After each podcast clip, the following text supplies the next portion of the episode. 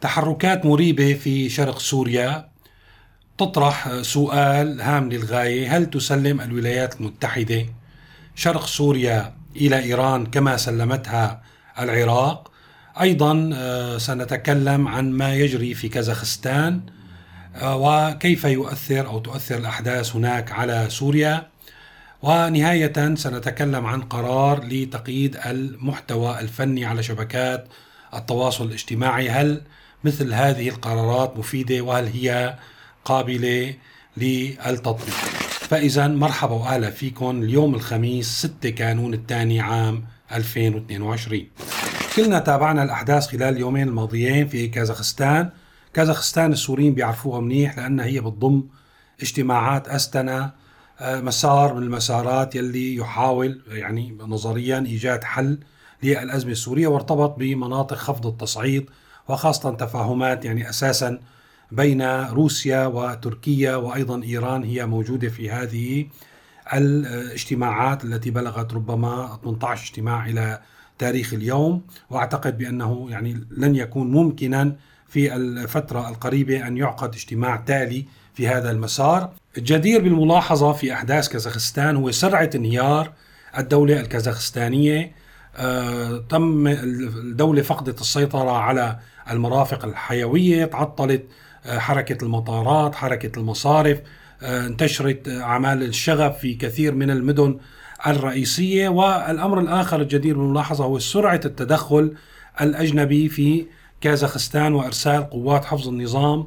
إليها. هلأ في كثير من المحللين إن كان على السوشيال ميديا أو يعني قادة الرأي آه، أو على الفضائيات آه، شافوا بهذا الحدث هو عبارة عن فتح معركة أو يعني آه، هذه الأحداث شوكة جديدة في خاصرة روسيا من ناحية الشرق وأنه هذا الموضوع المطلوب منه ابتزاز روسيا من أجل تقديم تنازلات بملفات آه، أخرى. والحقيقة أتوقع أن مثل هذا التحليل هو تحليل متسرع آه، يمكن أن يكون العكس تماما هو الذي يحصل اليوم بأنه ضوء أخضر لتسيطر روسيا على كازاخستان وعلى مقدرات كازاخستان يعني وهي دولة غنية للغايه بكل بكل يعني الثروات المعدنية والبترول وإلى آخره بالإضافة إنه هي دولة من الدول المتشاطئة على بحر آه، قزوين مساحتها واسعة. وإذا بدنا نفكر أنه ليش هيك عم نحكي يعني ليش عم نرجح هذا السيناريو؟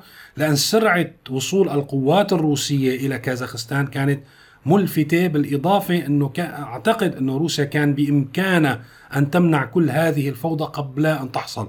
يعني عادة هذه الفوضى وفقدان الدولة القدرة على السيطرة على الأمور داخل آه، بشكل علني. يعني ممكن كانت تتدخل روسيا بشكل غير علني ولكن الإعلان عن فقدان السيطرة الإعلان عن يعني آه، عجز الدولة الكازاخستانية عن السيطرة على الأمور. ونحن مع نعرف العلاقة الوثيقة بين كازاخستان وروسيا والتدخل السريع بإرسال قوى حفظ السلام تحت مظلة منظمة معاهدة الأمن الجماعي وهي طبعا مجموعة من الدول في جورجيا وأرمينيا ولكن الدولة الوازنة اللي تشكل يعني الثقل الرئيسي هي روسيا مثل التحالف الدولي والولايات المتحدة الأمريكية. سرعة وصول القوات الروسية أو الجنود الروس إلى كازاخستان يدلل على أن الكلمة العليا ستكون لروسيا في تلك المنطقة. آه، ربما تكون الصفقة على العكس بأنه تتمدد روسيا شرقا أو آه، يسمح لها بأن تزيد من نفوذها في بعض دول الاتحاد السوفيتي السابق في مقابل أن يعني تتخلى عن بعض النفوذ أو عن بعض المكاسب أو المصالح في الغرب وفي أوكرانيا في التحديد، فاذا من المبكر أن نصل استنتاجات نهائية حول ما يحدث في كازاخستان، ربما الأمور ليس كما تبدو عليه، ربما هو تقاسم للمصالح أو إعادة توزيع المصالح آه، بين القوى الفاعلة في العالم، هلا كيف ستؤثر هذه الأحداث على سوريا؟ لا يمكننا أن نعرف تماما كيف ستؤثر هذه الأحداث علينا. الحقيقة هذا الموضوع أن سوريا يعني المؤكد المؤكد الوحيد عنا أنه سوريا آه، محطوطة على قوائم أو قائمة المزادات. آه، الموضوع خاضع للمفاوضات خاضع لتبادل المصالح في مناطق متعددة متوترة في منطقتنا أو في منطقتنا وجوار هذه المنطقة الممتدة اليوم من أفغانستان اليوم إلى كازاخستان إلى أوكرانيا إلى أرمينيا وأذربيجان وطبعا سوريا والعراق لبنان واليمن. هذه المنطقة كلها هي أصبحت بؤرة توتر كبيرة. هي في إطار إعادة توزيع النفوذ. أنا برأيي وتقاسم النفوذ فيها بين القوى الكبرى كيف ستنتهي هذه المعركة؟ كيف سينتهي هذا الصراع؟ لا أعتقد بأن أحدا يمتلك رؤية نهائية لهذا الموضوع. المؤكد الوحيد بأننا على قائمة المزادات كما ذكرت والمؤكد الوحيد بأننا كشعوب في هذه المنطقة لم نعد آه، نمتلك أي قدرة على التأثير. لم لم نعد في حسبان أي من هذه القوى أصبحنا مفعول به خالص. س يعني نكون في الجهة التي ترسم لنا بحسب الاتفاقات النهائية بين هذه القوى. وهذا الموضوع بيقودني للموضوع الآخر يلي هو التحركات الأخيرة في شرق سوريا خاصة الأخبار التي تبث من خلال الإعلام حول آه، يعني آه، خوف الولايات المتحدة. أول شيء تعرض آه، نقاط وقواعد الولايات المتحدة للاستهداف خشية الولايات المتحدة من استمرار هذه الاستهدافات. اليوم في تسريبات أنه تم إخلاء قاعدة التنف. أكبر قاعدة للولايات المتحدة في سوريا والتي تمتد على قطر 55 كيلو متر على الحدود السورية الأردنية العراقية. هذه الأخبار الحقيقة ما مريحة على الإطلاق. الولايات المتحدة لا يمكن أن حقيقة يعني في ميزان القوى وفي ميزان الصراع أن فعلا يكون لديها خشية حقيقية من القوة العسكرية الإيرانية. يعني هي كذبة كبرى دائما هناك أخذ وجذب بين الولايات المتحدة وإيران تقاسم مصالح بشكل أو بآخر. أعتقد أن الولايات المتحدة هي التي ترسم وظيفة إيران في المنطقة وهي التي تعطيها الزخم والقوة والقدرة على السيطرة. آه، إذا أخذنا يعني تقريبا 20 عام من التواجد الأمريكي في العراق آه، سنجد بأن كل الذي فعلته الولايات المتحدة الأمريكية في العراق أنها سلمت العراق إلى إيران. يعني اليوم إذا بدنا نحن نعمل ميزان للقوى المسيطرة في العراق. يوجد حكما أكثر من من من قوة ولكن من هي القوى؟ صاحبة الكلمة العليا اليوم في العراق وهي التي تستطيع. طبعا هذا أسلوب الولايات المتحدة الأمريكية لا تعطي كل السيطرة لدولة واحدة وأنها تعطي آه، يعني القدرة على تعطيل كل شيء، يعني هذا الموضوع نراه في العراق ونراه في لبنان وسنراه في سوريا.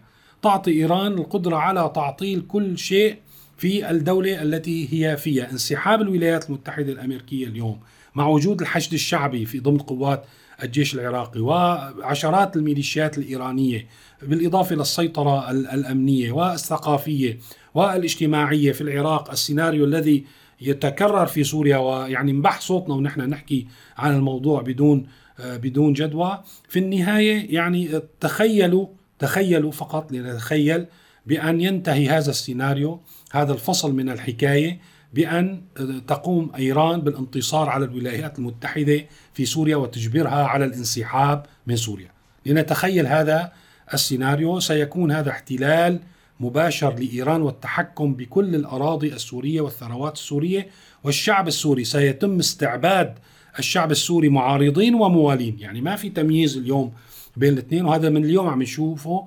علو صوت ال ال الإيرانيين في سوريا آه، في نوع من الاستعلاء والتكبر و يعني المنية في في الخطاب للشعب السوري وللنظام السوري. فإذا آه، هذه الأخبار الحقيقة غير مسرة. آه، موضوع تواجد الولايات المتحدة إغلاق الحدود مع العراق الوضع المعيشي المتفاقم والسيء في مناطق شرق سوريا. آه، دائما لازم ما ننسى أنه الولايات المتحدة هي حليف لتركيا أكثر ما تكون مشغلة لقسد، يعني لا يمكن أن تفضل مصالح قسد على تركيا وبالتالي ممكن أن يكون هناك ترتيب معين لجعل إيران تسيطر سيطرة تشبه سيطرتها على العراق ولبنان في سوريا مع إعطاء الحليف التركي ما يريده في المنطقة العازلة في الشمال. آخر شيء رح نحكي عن قرار آه، يعني لقى انتشار واسع وجدل واسع على شبكات التواصل الاجتماعي لجنة صناعة السينما والتلفزيون آه، آه، يعني تريد تقييد المحتوى الفني تريد للمحتوى الفني وسمته اللوحات أن تحصل على تراخيص وموافقات لكي يستطيع أصحابها طبعا داخل سوريا نشر مثل هذه مثل هذا المحتوى على شبكات التواصل الاجتماعي اليوتيوب والفيسبوك والتيك توك وغيره. طبعا الذريعة أو الحجة بأنه هذه المقاطع أدت إلى انحلال أخلاقي فني وفكري واستعراض مبتذل والإساءة للمجتمع إلى آخره. طبعا أنا بالعموم يعني ماني ضد وضع معايير معايير مهنية لأي مهنة بالصحافة بالإنتاج الفني ميثاق شرف آه، زيادة التدريب في اتجاه معين لكي يكون المحتوى على آه، يعني آه، أو يمتلك قدرة لخدمة المجتمع حتى لو كان ترفيهي. ما بيمنع أنه نقدم محتوى ترفيهي وفي نفس الوقت فيه فائدة. يكون قدر الإمكان بعيد عن الابتذال على الأقل يكون عندنا محتوى من هذا النوع. يعني ما يكون كل الساحة للمحتوى المبتذل ولكن اعتراضي على القرار أول شيء هذا القرار لا يمكن تنفيذه. يعني هذا القرار أعتقد هو يستهدف إنتاج فني محدد اليوم في في سوريا أو أي إنتاج فني آه، يعني يستحصل أو يلاقي انتشار واسع. في سوريا لا يمكن أن تكون خارج دائرة الصي يعني خارج الدائرة أن لا يكون لك مرجعية في حال امتلكت السيطرة حتى في المحتوى اللا اخلاقي يعني لا يمكن نحن حتى نفهم العقلية حتى الموضوع أعتقد بعيد عن المشاركة أو يعني الحصول على آه، يعني رسوم أو إلى آخره. في سوريا لا يمكن أن يكون لك قاعدة في أي قطاع من القطاعات في أي مجال من المجالات بدون أن تكون لك مرجعية تنتمي إلى النظام والسلطة، يعني هذا هو الموضوع، فإذا كان هناك أحد مثلا شركات الإنتاج أو الشباب المنتجين لمحتوى معين وكان لديهم آه، نوع من الانتشار ليصلوا إلى ملايين السوريين. لو بمحتوى مبتذل فهذا ممنوع، يجب أن يتم التنسيق مع الجهات المعنية لكي يسمح لهؤلاء بالعمل، هذا هو الموضوع ب آه، بكل بساطة. لأن حقيقة يعني الموضوع الانحلال وكذا إذا نحن منعنا المحتوى السوري. طيب ماذا عن المحتوى الناطق باللغة العربية الذي ينتج في كل أنحاء يعني البلدان العربية أو الناطقة بالعربية أو المغتربين يلي هن بالملايين موجودين في كل دول أوروبا وأمريكا يعني لا حسيب ولا رقيب. يعني لا يمكن أن نمنع نحن آه، نشر لوحات فنية باللغة العربية تستقطب شريحة واسعة آه، من الناس. وإذا كان يعني هو المقصود إنه نحن ما بدنا نكون شركاء هذا الموضوع يعني عاري عن الصحة. نحن لقينا في تراجع في المستوى الفني والفكري وهبوط في المستوى الفني والفكري في كل شيء في السنوات الأخيرة في الدراما النظامية المرخصة المنتجة في سوريا أو حتى على المنصات المدفوعة.